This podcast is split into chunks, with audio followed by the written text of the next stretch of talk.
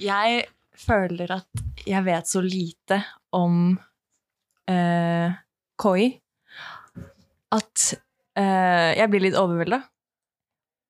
Det er så mange forskjellige eh, selskaper som har egne KI nå, og jeg vet ikke hvordan de funker. Og jeg, vet, jeg har bare hørt at de um, bruker kunsten til kunstnere og på en måte stjeler kunsten da, for å lage noe selv. Og det er jo kan jo man se på det som problematisk, da.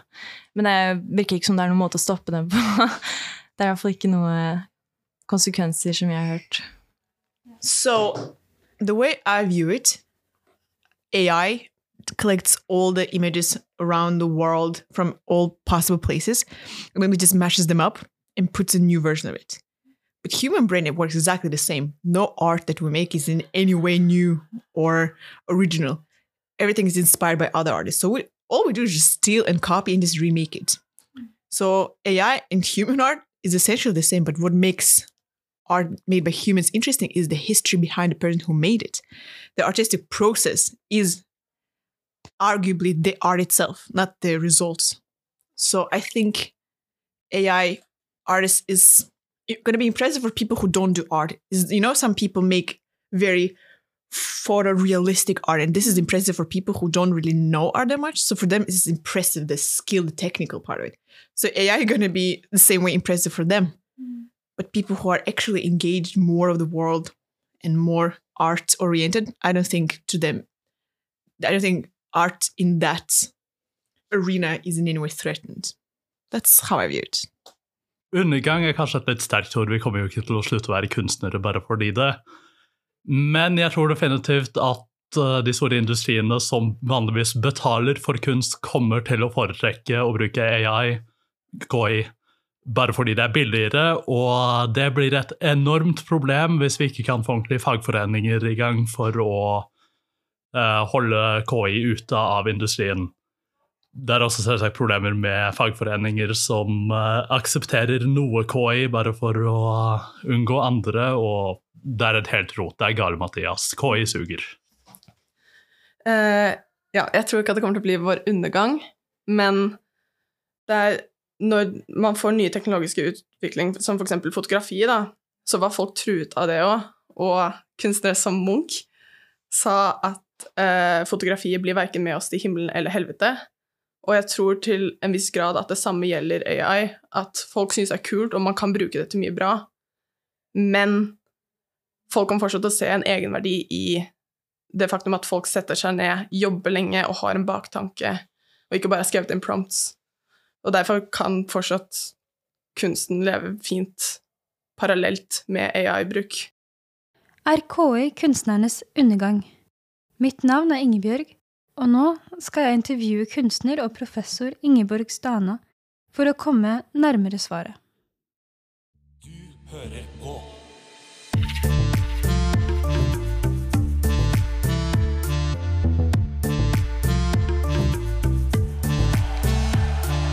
Granunpodden. Det er veldig hyggelig å ha deg her. Tusen takk. Godt å se deg. Jeg har gledet meg til det her. Jeg syns det er veldig spennende å kunne få lov til å snakke med deg om det, fordi um, det er jo noe jeg er både veldig interessert i og litt redd for. Det er litt sånn mhm. skrekkblanda fryd over det med KI. Um, særlig som kunststudent som liksom lurer på er dette veien å gå, da? Er dette et godt yrkesvalg? Er dette trygt? Samtidig som man er veldig glad i det og veldig spent. Um, spent på den den utviklingen, da. Mm. Så, men jeg har veldig lyst til å, å, bare høre litt om deg, sånn bortsett fra det med KI og dens påvirkning. Har du lyst til å introdusere deg selv lite grann? Ja, det kan jeg godt gjøre. Jeg har jo en klassisk akademisk eh, bakgrunn da, fra det statlige akademiet i Firenze, altså i mm. Italia. Også statens akademi i Oslo. Uh, ja. Og jeg var ferdig utdanna i 1997, da, så jeg holdt på noen år. Og egentlig hadde jeg tenkt å utdanne meg innen restaurering. Det var derfor jeg dro til uh, Italia for å Mhm. studere, men skiftet retning der, da. Og uh, i dag, eller i, mitt, i min virksomhet, så har jeg arbeidet primært med maleri. Eh, og noen av lytterne kjenner meg kanskje for de der store skymaleriene eller landskapene som Ja. jeg jobber med. Så Og så er jeg representert ved gallerist Tonje Buer på Buer eh, Gallery på Hopp på Skøyen. Mm. Tidligere samarbeidet mye med Knut Blomstrøm, som i dag er eier og gallerist ved KB Contemporary i Oslo. Jeg ser du har en bok bak der. Um, Ja. av, av deg. Jeg, jeg antar at det er en av maleriene dine. Ja, stemmer Altså, det det. jeg har sett mest, de store um, landskapene, eller himlene, da. Skymaleriene. Mhm. Og det er jo det jeg har sett på nettsiden din og Instagrammen din. Mm Ehm, De er utrolig vakre, må jeg først få lov til å si. Og så er det for det meste oljemaleri. Ja, Eh, det er det det jeg jobber med. Ja, og det går tilbake til den litt sånn tradisjonelle akademiske um, utdannelsen som du sa du hadde. Uh, gikk du først til Italia, og så kom du inn på KIO, eller?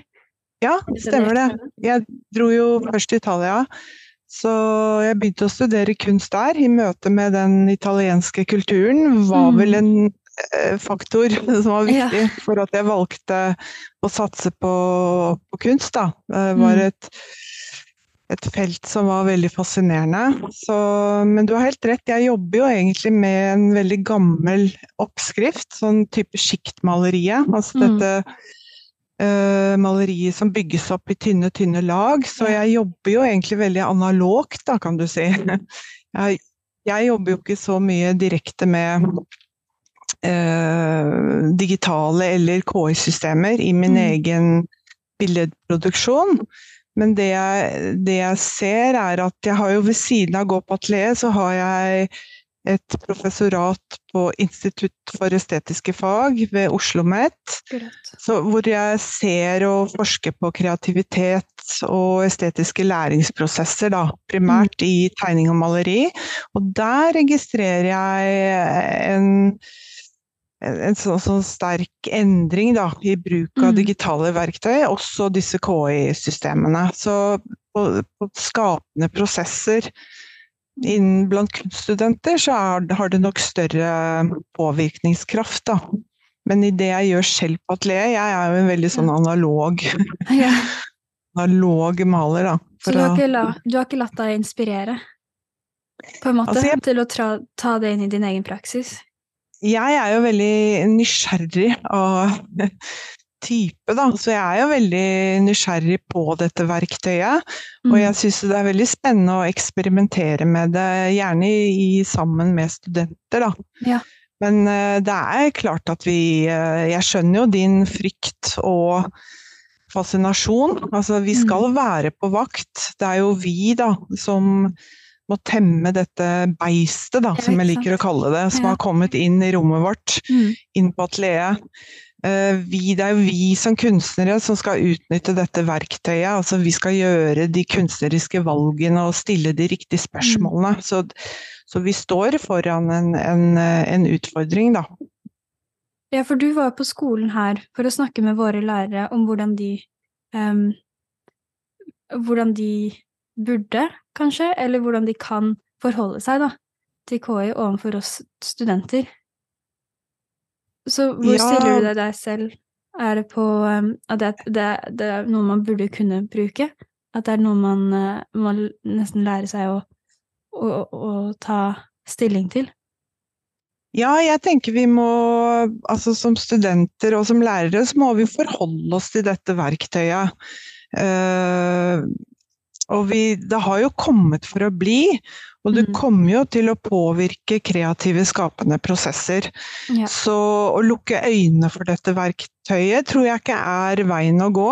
Eh, Jeg tror vi må forholde oss til det og lære studentene å være offensive. Altså stille spørsmålene hva er det, altså hva slags kunst er det vi trenger? Hva er det verden trenger av, av kunst? Altså hva er det denne teknologien ikke har? Ja. Eh, og jeg tror kanskje det det derre menneskelige da, blir viktigere enn noen gang i kunstneriske prosesser. I, særlig ikke sant, i lys av en sånn uh, kunstkontekst da, som dere studenter befinner dere i. Altså dette uh, jakten på det originale, eller altså noen kaller det spirituelle. Eh, det, jeg liker å kalle det organiske. Det er jo en kontrast til det kunstige det anorganiske, som jeg og studentene liker å kalle det. Altså det mer kunstig li livløse, da. Så hva er det vi kan Hva er det vi har som er spesielt, da? Ja, da tenker jeg Så, spesielt på mm. prosessen din, som du eh, snakket om. Det er jo en lang og langvarig prosess, der du må ta mange beslutninger og gjøre mange Mm. valg over lang tid. Um, og det er jo noe veldig annet enn det eh, disse bildegeneratorene gjør. Og så har det noe med inspirasjonen nå. Du, eh, jeg har jo lest at du er veldig glad i natur, og at du går ut og tar, altså, tar inspirasjon fra omgivelsene dine. Hvis det er sant, da. ja, det, det er sant, det, altså. Ja, og det er jo en del av en sånn lang prosess som um, KI ikke kan helt etterligne, da. Um, man Ja. ser jo at resultatene Altså, KI kan lage veldig vakre bilder. I 2022 vant jo en kunstner i Colorado en kunstkonkurranse med noe han hadde lagd gjennom KI. Så liksom resultatet man ser, er det mange som syns er vakkert, um, og, og kan utkonkurrere annen kunst. Men det er jo det med prosessen, det er jo det med liksom historien bak. Tror du det kommer til å bli viktigere? Er det noe av det vi må skille? Er det liksom distinksjonen du tror kommer til å bli viktigere? Ja, altså en, eh, en ting jeg ser i møte med Altså når jeg jobber med KI-systemene sammen med studenter, så har jeg egentlig pusset støv av dette begrepet aura, som jeg Mm. har henta fra Walter Benjamin. Ja. Og da Mm. snakker vi om en tekst fra 1930-tallet, ikke sant? Det er jo Ja, eh, Walter Benjamin er jo en tysk filosof og er kjent for sine bidrag til estetisk teori, da. Mm. Og hans eh, tekster berører nettopp dette med kunstens verdi og det originale. Og han Ja. stiller jo spørsmål nettopp ved det, hvordan det er gjort. Altså massemedier, teknologiens rolle i kunsten. Og han argumenterte for at denne reproduksjonsteknologien, da, den ville redusere kunstverkets aura, som Mm. han eh, mente var eh, et premiss da, for å kalle et verk autentisk. ikke sant? Og Ja. når, når vi ser nærmere på det han skriver, så er det altså Han, han krever da at det er spor etter kunstnerens tilstedeværelse, da. Mm. Eh, og det er nettopp det som kan forhindre denne forflata, standardiserte kunstproduksjonen. Så når vi overfører Benjamins perspektiv da, til KI-systemer, Mm. så det var jo ikke på, han, på hans tid, men det sammenfaller veldig mye om dette altså som dere kjenner på studenten, da, som må jakten etter sin egen stemme, ikke sant. Mm. Hvor er min egen stemme? Hva er min originalitet? Og eh, hvordan Og det, det må jo gjøres da med, som du sier, prosessen, men også tilgjengelighet og eierskap av det du Ja. lager. Og på den måten så blir jo plutselig Benjamin veldig aktuell igjen, da. ja, Det gjør det. Ikke sant? Så eh, For noe av det han sa òg, var jo det er med aura, hvis jeg ikke har misforstått, er at det maleriet står der, på en måte. At det er tilknyttet et sted og en historie. Um, så når du besøker for eksempel et, et veldig kjent verk, da så, Nå tar jeg bare et ekstremt kjent verk, Mona Lisa. Du vet at det står der, i Louvre, og bare der. Og når du drar dit, så er det sånn Ok, her er det. Og mm. er det den følelsen da, at det har liksom historien knyttet til det, det har et sted knyttet til det, eller når du står der og observerer det. det at det må være litt At det må ha noen andre ting rundt det som gjør det originalt, da. Ja, det er jo Hvem er det, ikke sant? Det er jo han, Hans eh, tekster omhandler dette med ikke sant? I hvilken grad kan man kalle noe originalt, da? Mm. Eh, eh, og da, ikke sant, hvis KI produserer et kunstverk, er det bare en etterligning? Er det da originalt nok? Eh, for vi vet jo at disse systemene er jo basert på en sånn mimetisk kunstproduksjon. Ja. Men det er jo i høyeste grad effektivt, som du sier. Det er jo allerede laget kunstverk som utkonkurrerer eh, eh, menneskelig lagde verk. Men eh, det handler litt også om i hvilken grad det gir konsekvenser for opplevelse av kunstverket, da.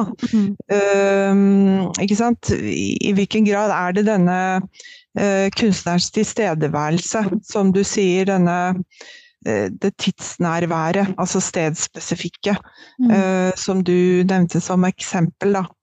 Så hvem, hva, hva gjør det med opplevelsen også? Ik ikke bare for studentene eller eh, de som skaper det, men også de som opplever kunsten Mm. og sanser den. Blir det da viktigere å gjøre kunsten til en del av seg selv? At liksom kunstneren, som du sier, har en tilstedeværelse? Men er- blir det da vanskeligere å avskrive seg selv fra kunsten sin? Blir det da vanskeligere å være anonym? Må man da by litt mer på seg selv, kanskje, som kunstner? Altså, det er jo mange måter eh, kunsten Altså, det fins jo Det må jo sies at det er veldig mye god eh, KI-generert kunst der ute også. Mm. Og så er det veldig mange gode KI-kunstnere. Jeg kan jo nevne noen navn på det, men slik jeg ser det, så, så er det største, altså det største bruksområdet innen disse systemene her, det, det faller litt utenfor kunstrommet, eller the white cube, da. Ja. Altså vi, vi må vurdere KI-generert kunst ikke bare utelukkende fra et kunstperspektiv. Altså det, Mm. det, the white cube, da, som vi kan kalle det. Det er jo allerede et eget felt innenfor akademisk forskning. Altså det vil si at Ja. det er mange kunstnere som jobber på tvers av flere eh, eh, sjangere eller type sammenhenger. Vi har sant, det vitenskapelige, eh, kunstneriske, sosiale, helse, ikke sant, det Mm. tekniske. Altså, så gjennom grunnforskning så eh, bidrar kunstfeltet. Eh, vi, vi får altså tilgang til estetiske og etiske utfordringer så, som kan, kan bidra til at eh, systemene tilpasses menneskelig skapende arbeid og ikke erstatter det. Der er jo kunstnerne Ja. veldig viktige. De kommer inn og utfordrer på en måte vedtatte sannheter om kreativitet da, eller skapende prosesser. Så, så der, Hvis vi ser på hvordan kunstnerne kan påvirke bruk av disse systemene utenfor eh, kunstrommet, så, så gjør vi et veldig viktig bidrag.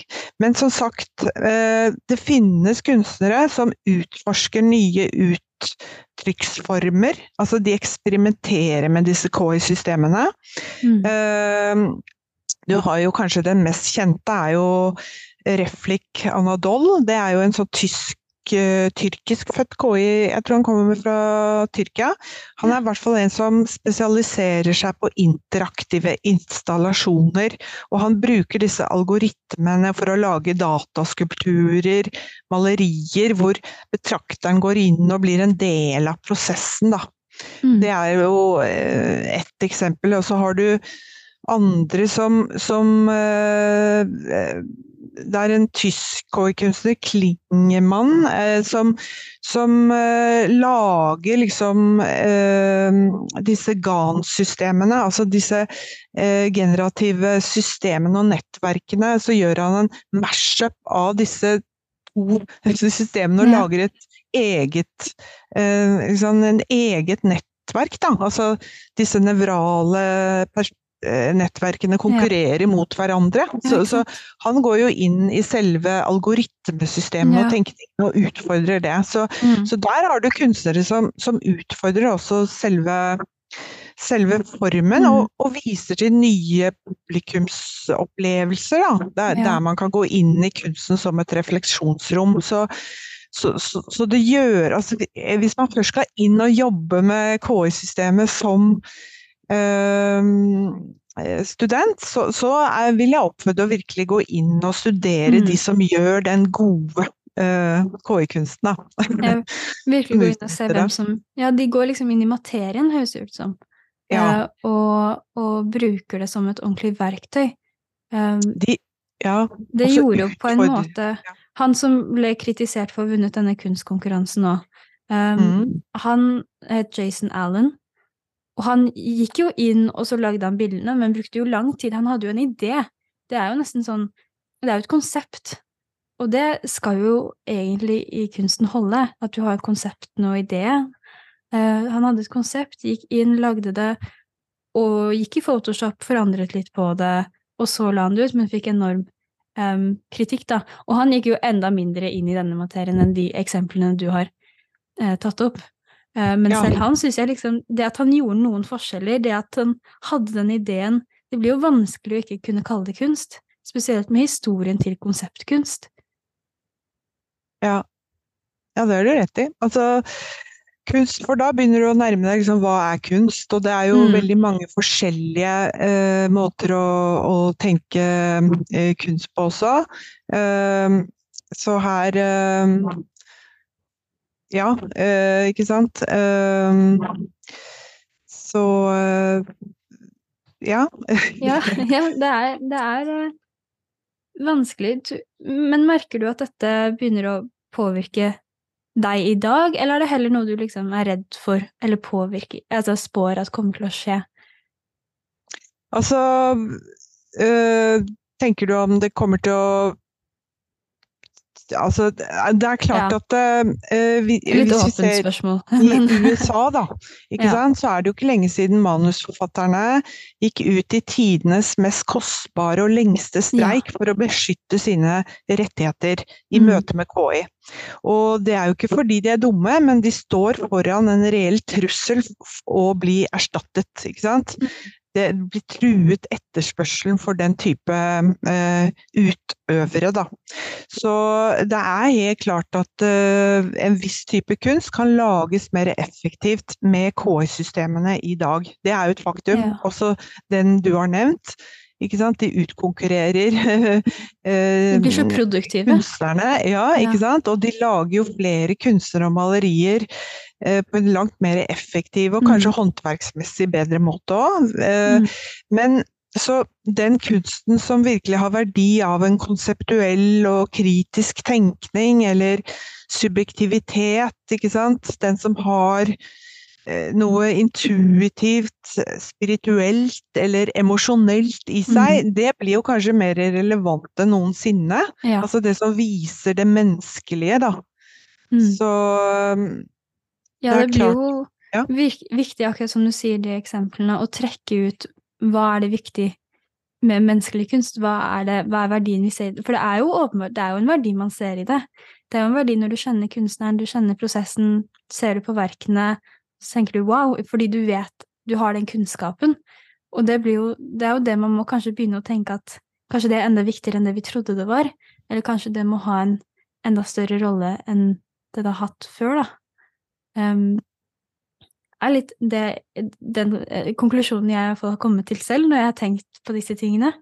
Um, men akkurat det du sa om den streiken Fordi um, Subjekt la ut en, um, en artikkel for to dager siden, skrevet av Linde Lange, der de snakket om at omtrent eh, 16 000 kunstnere hadde blitt lekket til eh, KI, altså til en maskinlæringsmodell som skulle læres opp til å eh, bildegenerere, uten at disse kunstnerne visste om det, eller hadde godtatt det, da. Um, så det begynner å skje. Der er det også um, Der vil de også ta dette opp i retten, mange av dem, og få kompensasjon, da. Så det, det Ja. med bilderettigheter er jo stort nå i kunst nå, eller det begynner å bli um, et stort juridisk spørsmål, egentlig. Ja, nå har jeg ikke lest den artikkelen du henviser til, men det er klart, for å trene opp en uh, tekst til uh, Altså disse uh, KI-systemene, Mm. så trenger jo de ekstremt store mengder data. Ja. Og for billedgenererende systemer så er det jo veldig mye billedmateriale, men de skal også ha veldig høy oppløsning. Altså de skal ha et stort Ja. og representativt eh, data eh, og eksempler for å unngå skjevhet eller feil data. Så bildene som mates inn i disse systemene her, har jo også veldig høy kvalitet. Da. Og hvis man bruker bilder som egentlig beskyttes av opphavsretten, for å trene et kunstig intelligent system, så, så vil det etter mitt syn være i strid med åndsverksloven. Mm. Eh, Det handler om eksemplarfremstilling eller brudd på navneplikten. Sant? Både det økonomiske og de ideelle rettighetene. Eh, Så problemet i dag, da, nå, som sagt jeg har ikke lest den artikkelen, men problemet i dag er jo at det er en mangel på transparens. Ikke sant? Vi, vi får ikke vite hvordan disse modellene blir trent. Mm. Og det er en utfordring for opphavsretten. Men Ja. her jobbes jo Bono, altså de jobber jo, og fagorganisasjonene må jo da, ikke sant, de jobber jo med dette daglig. Og her, de, de blir jo veldig viktige i, uh, Mm. i vår tid. Og hvordan de bruker uh, vår type verk, da. Ja, for er det noe kunstnere er redd for, at deres originale stil eh, skal bli eh, Man kan kanskje si stjålet, da, av en KI, eller noen som bruker denne KI-en, får ut denne stilen, og da bruker det sitt eget navn. Fordi for eksempel OpenAI, eh, Dali, har jo sagt at de bildene du lager gjennom oss, eier du, og det har du krav på. Men hvis du da har brukt altså, Har noe som er veldig likt noen andre, da, er det da Er det stjeling, eller er det, kan man si det er inspirasjon? Ja, det er jo et eh, veldig interessant uh, spørsmål. Altså, det er jo Hvis du ser på originalitet, da, så Mm. kommer vi jo til sakens kjerne når det gjelder opphavsrett, ikke sant. Ja. Og da Altså hvis vi bruker sånn jusspråk, så, så er det i hvilken grad har vi, altså studenten, eh, eller tatt frie og kreative valg ved frembringelsen av verket. Det er sånn juristen sier det. ikke sant? Har, har vi da lagd et verk med et nyhetselement, eller har det et Mm. unikt særpreg ved seg? Så det er liksom vektingen av er det originalt nok, da. Eh, Hvis du spør en jurist som jobber med dette, så, så vil man jo se etter det. Um, og da er det jo da hvem, hvem eier verket, det er jo om, ikke sant? Mm. Dersom vi har tatt frie og kreative valg ved frembringelsen av, av dette verket, da. Mm. Og da spørs det jo hvor tett opp til utgangspunktet ligger du.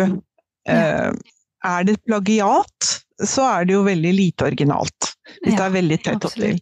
Ja. Og det er jo Men dette her har jo, så lenge jeg har eh, vært kunstner og studert kunst, så er jo dette her forskjellen mellom god og dårlig kunst har jo alltid vært der. Vi har jo hatt Ikea-plakatkunst Mm. på den ene siden, og original eksklusiv kunst på den andre siden. Og det, det handler jo liksom hvor tett, altså hvor tett opp er du til en bare en sånn dårlig kopi? Mm. Så, så den Ja. problemstillingen har jo, har jo vært der så lenge jeg har levd. Så det er jo litt det samme vi opplever her nå, bare i en mye større ikke sant? ja. Det er, det er et mye større et, det, Dette beistet, da. Dette Ja. kan jo fylle hele rommet. Ja, ikke sant? Fordi, ja, som du sier, så er det kanskje ikke en ny problematikk, men at det blir større, fordi man kan lage så Mm. mange millioner tusener bilder. Eh, Mm. Jeg er jo enig, hvis jeg skal si det på en litt enklere måte, da, at hvis jeg går inn og søker um, 'lag meg bilde av en katt' i Claude Monet-stil, så er det jo plagiat av Claude Monet, eller en annen eh, kunstner. Mm. Eh, Men hvis du jobber med, sånn som de kunstnerne du, du snakket om, hvis du jobber med det og har bare en idé og vet hvilke knapper man skal trykke på for at den algoritmen gjør det eller det eller det, så har man jo mye mer eierskap til det. Mm. Men den grensen er jo veldig Det er jo en veldig grå, det er jo en gråsone der. Mm. som må være vanskelig å navigere i, da. Ja, altså det er jo litt eh, Det avhenger av hvordan vi forholder oss til det. Ja. Ikke sant? Så Uh, likhet på lik linje med annet verktøy er, handler om hvordan vi bruker det. Og for en kunststudent så handler det om å finne sin egen stemme.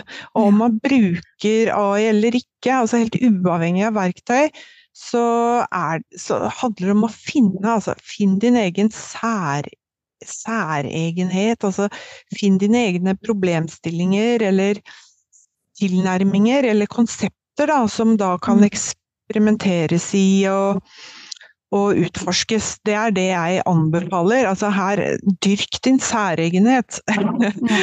sånn at du, du, du Det blir jo veldig viktig, og det gir jo også mening. Og jeg har jo, jeg har jo forsket litt på Jeg har sett på, kun, eh, på kunstnere og studenter som ikke har noe kunstbakgrunn, i hvordan de bruker dette verktøyet. Og det er jo helt klart at når, vi, når jeg ser litt på arbeidsprosessene, så er det både og, ikke sant. Det er utfordringer, men det gir jo også veldig mange muligheter. Så jeg finner jo eh, Sånn som det positive, da, det er jo at det kan utvide eh, vår fantasi. Ikke sant? Det kan jo det gir jo en mulighet ved å gå i dialog da, med disse systemene, så, så kan du jo få en øh, Hvis du har litt sånn idétørke på, på et vis, mm. så er jo dette ganske effektivt å bruke for å lage okay. skisser eller planlegge et verk helt sånn i Mm. startup-fasen. Så det hjelper, kan jo hjelpe med å akselerere eller visualisere Mm. ideer. Og så kan det være en stilinspirasjon. Altså systemet kan jo analysere stilarter fra forskjellige epoker eller kunstnere, og gi forslag til hvordan man kan eksperimentere Mm. videre. Og det kan være teknikker eller eh, tilnærmelsesprosesser eller motivutvikling, da. Så det er en del entusiasme blant eh, studentene, som jeg ser, og spesielt nybegynnere. Altså Mm. nybegynnere innen maleri, som jeg, det er eh, maleri jeg har sett på primært, da. De er jo veldig eh, begeistret for dette, for, de kommer veldig mye lenger i en første fase. Mm. Og så kommer skepsisen, da. Og den møtes ofte fort, eh, altså tidligst blant veldig erfarne malere. Og det er eh, at eh, signaturen, eller min, altså eh, studentens eh, subjektivitet, blir noe redusert. Altså resultatet de får ut av disse systemene, Mm. blir øh, veldig dominert av øh, dataene. Altså, det de går liksom på Det går liksom eh, litt utover denne personlige holdningen eller meningsytringer. Sånn som jeg har sett litt på politisk kunst, for eksempel. Så er det jeg syns systemene Der må studentene knokle veldig mye for å Mm. få de gode ideene. Så Absolutt. det, dette å tenke billedproduksjon i en politisk kontekst eller sosial kontekst, der svikter systemet i dag, da i hvert fall. ja, aktivistisk kunst. ja, slik vi har brukt det. Mm. Uh, og så er det liksom, Så systemene utfører ikke løsninger på grunnlag av konseptuell kritisk tenkning, det er kun mimetisk Mm. produksjon. Det er etterligning av noe som allerede eksisterer. Og det Ja. er også to andre ting som kommer opp i, i min forskning, og det er dette med at tekst i billedsystemene styres veldig av det engelske språket. Mm. Så hvis du går inn og skal nyansere litt på det norske, så, så kan det også bli litt sånn feiltolkning. Mm. Og så er det det siste, det er jo helt klart at det er feillæring. Altså, her spytter systemene ut eh, feil, ikke sant? Feil svar. Eller feil bruk av sjangere osv. Så, så systemet er jo avhengig av, av veldig godt utforma data som de, som de, trenes i, da. Mm. Mm. Og hvis man skulle kanskje ha lagd en norsk modell, da, eh, som er bedre til vårt språk og kanskje og mer åpen, da, hvis, hvis man tenker på hvordan man kunne løst disse problemene, eh, og mer åpen til flere meninger med tanke på aktivistisk kunst og sånn, da måtte man jo også virkelig gått inn Altså, man har bare Vi er jo et lite land, og et lite språk, og en liten kultur. Da måtte man, for å ha fått alle de millioner av, av tekster, og bilder, da måtte man virkelig ha utnytta um, ehm, det kunstneriske miljøet nå. og Nesten gått til hver eneste person og vært og spurt om bilder, ikke sant. Men det hadde vært en, en, ehm, en stor operasjon, ser jeg for meg. Mm. Og det med aktivistisk kunst syns jeg var veldig interessant at du tok opp, fordi det er litt ting som går i underbevisstheten òg. Det går ikke i underbevisstheten når du søker kan jeg få et maleri som representerer dette i denne saken, og det ikke kommer noe opp, da er det ganske åpenbart at her er det en blokk. Her er en stopp, her vil den ikke gi meg det.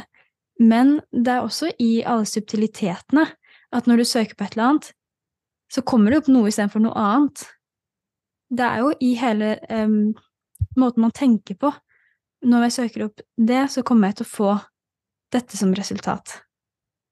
Jeg skulle hatt et bedre eksempel, men jeg bare tenker at i det små så er det litt skummelt hvordan det kan um, snu måten vi tenker på, da, også. Med mindre man har et veldig Man er veldig klar over det. Med mindre man ja, vet alle de punktene. Ja, altså sånn som jeg ser øh, Vi Altså, jeg syns også dette systemet utfordrer litt uh, hva verket representerer, da. Som mm. Det berører litt det, det, du sier der, ikke sant. At uh, me, for, for, å ta mening, da, så er det klart at uh, mening? Hva er kunstverkets mening? Og da ser jeg jo i, når jeg studerer skapende prosesser, så ser jeg at den kunstneriske meningen oppstår i dette samspillet mellom mm. studenten og uh, deres aktiviteter da, som blir manifestert i et sluttprodukt eller i et verk. Mm. Så vi, vi, kan ikke bare lese i en sånn læringskontekst, da, så kan vi ikke bare lese objektet helt løsrevet fra studentens intensjon eller konsept. Fordi da, da forsvinner liksom Eh, poenget med en sånn læringsprosess. Så studentens signatur, da, den, eh, eller tilstedeværelse, det mm. er en forutsetning for å gi mm. verket eh, verdi. Og det, det, er klart at den evalueringen av kunstverket, eh, den å bare se objektet løsrevet fra en prosess, den er ikke tilstrekkelig eh, lenger eh, i møte med studenter. Så eh, dette med at uh, graden av interaksjon og involvering i disse KS-systemene er essensiell i en sånn vurderingssituasjon, mm. da, for å vurdere om dette er god, et godt eller dårlig ja. studentarbeid. Og det er jo litt det evaluering av dette verket da løsrivet fra en prosessiell eller sosial eller kulturell kontekst, mm. det er jo eh, egentlig det som preger i hvert fall samtidskunstens estetiske teori også, det, at mm. det er et absolutt nødvendig krav. Da, at man må se verket i en større sammenheng. Mm. Så, men for, for, at man ikke skal liksom gå helt vill i dette her. Så jeg ser jo det at det er jo litt forskning også på opplevelsen av KI-kunst kontra en eh, Eller når det er bare eh, KI-systemer som lager det uten veldig liten grad av menneskelig påvirkning. Og dette med når det er menneskedominert, at den opplevelsen av verket Der viser også forskning at det er forskjell. At man leser mer det følelsesmessige inn i når mennesket har skapt det. Og det ja. høres jo veldig sånn Ja ja, det høres jo opplagt ut, men det krever også en del av Skal man da Altså, jeg har jo fabulert litt rundt med at kan det være en løsning å, å stille et krav om merking? Altså Mm. det derre som man gjør med matvareproduksjon, ikke sant? At man skiller mellom Altså, hvordan er matvaren laget, og hvor kommer den fra? Mm. Kan man skille mellom organisk kunst og anorganisk kunst ved varemerkeprosess, eller vareprosessmerking, da?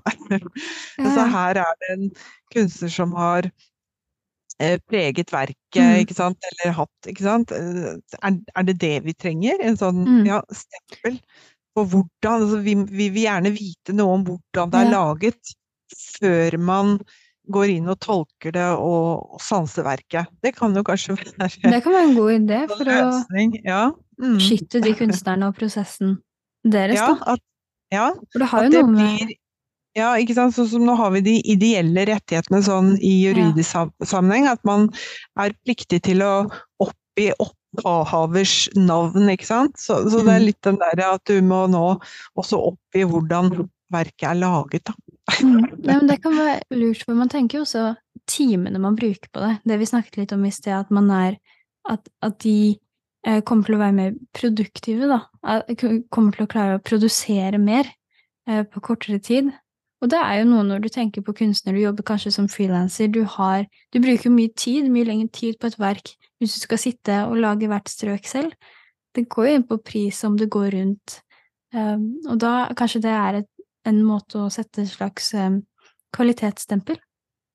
Ja, da blir det jo litt sånn og, Sånn som vi gjør med mat, da. Altså, Ja. Vi har gourmetkokker på den ene siden og fastfood på den Ja. andre. Vi, vi trenger begge deler, da. Ja, ja. Men uh, det ene er jo billigere enn det andre. Så, så det, det kan jo vi, kan jo le, vi kan jo leke litt med, med den, type, den type løsning. Ja. Og det er jo også noe veldig vakkert.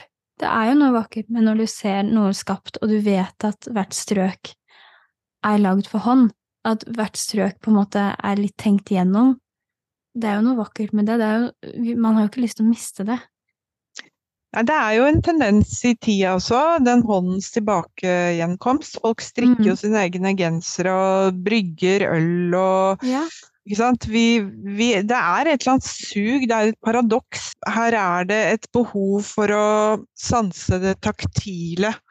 Og ja, en slags eh, Et paradoks, syns mange, men det er dette sansbare som vi mennesker har eh, behov for, da. Det mm. Og i denne nye verden, har du noen råd til kunststudenter? Hvordan skal vi forholde oss til det her med det veldig moderne teknologiske, men også dette ønsket om å komme tilbake, litt sånn tilbake hjem, tilbake til røttene? Ja, nei, altså Det handler, ikke sant Å være kunstner, så tenker jeg det handler, altså som jeg har nevnt da litt tidligere, uavhengig av verktøy og tid, det er det er å finne fram til uh, sin egen stemme. Hvordan uh, tenker uh, vi om det å være menneske i vår tid? Mm. Og gjerne vår teknologiske tid. Hvor tilnærmingen til naturen ikke sant? Vi er jo kommet til det skillet at vi kan ikke vi kan ikke forholde oss til verden som oss og dem. Vi er liksom en del av et kretsløp som har blitt tydeligere enn noensinne. Eh, Så det er det der å finne sine ideer og konsepter og på en måte eksperimentere og utforske i det, da. Og som kunstner så er vi veldig gode på å utfordre vedtatte sannheter, så det er jo også en drivkraft hos veldig mange Mm. kunstnere, ser jeg. Vi ser at så, vi nesten har et sånn samfunns... eh, Vi kan ha et samfunnsansvar, da, utenfor vår egen sfære, på å påvirke hvordan samfunnet ser på KI Mm. også? Mm. Ja, og når det gjelder med KI, altså de som virkelig vil inn i, inn i det verktøyet, så er det jo veldig viktig her også å utforske og eksperimentere og, og ta i bruk KI, ikke sant, og se hva som er utfordrende, hva som er tiltrekkende. Her må man være tålmodig og, og være forberedt på også å gjøre litt feil, ikke sant.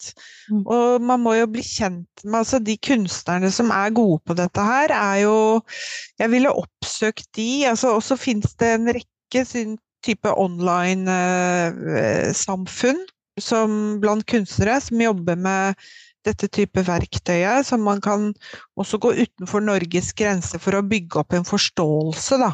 For å, å se og møte kunstnere som er toneangivende eh, på feltet.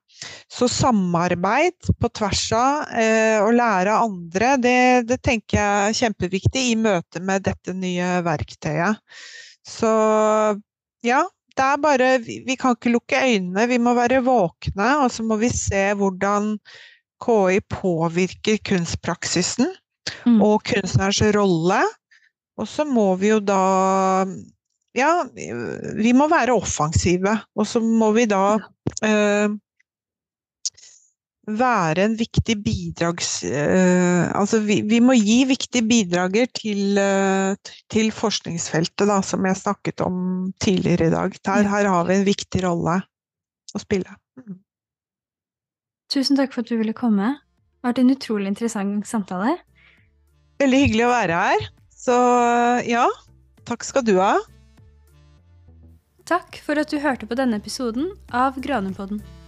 Det er bare å ta kontakt på e-posten info at granum-kunstfagskole.no. Vi høres!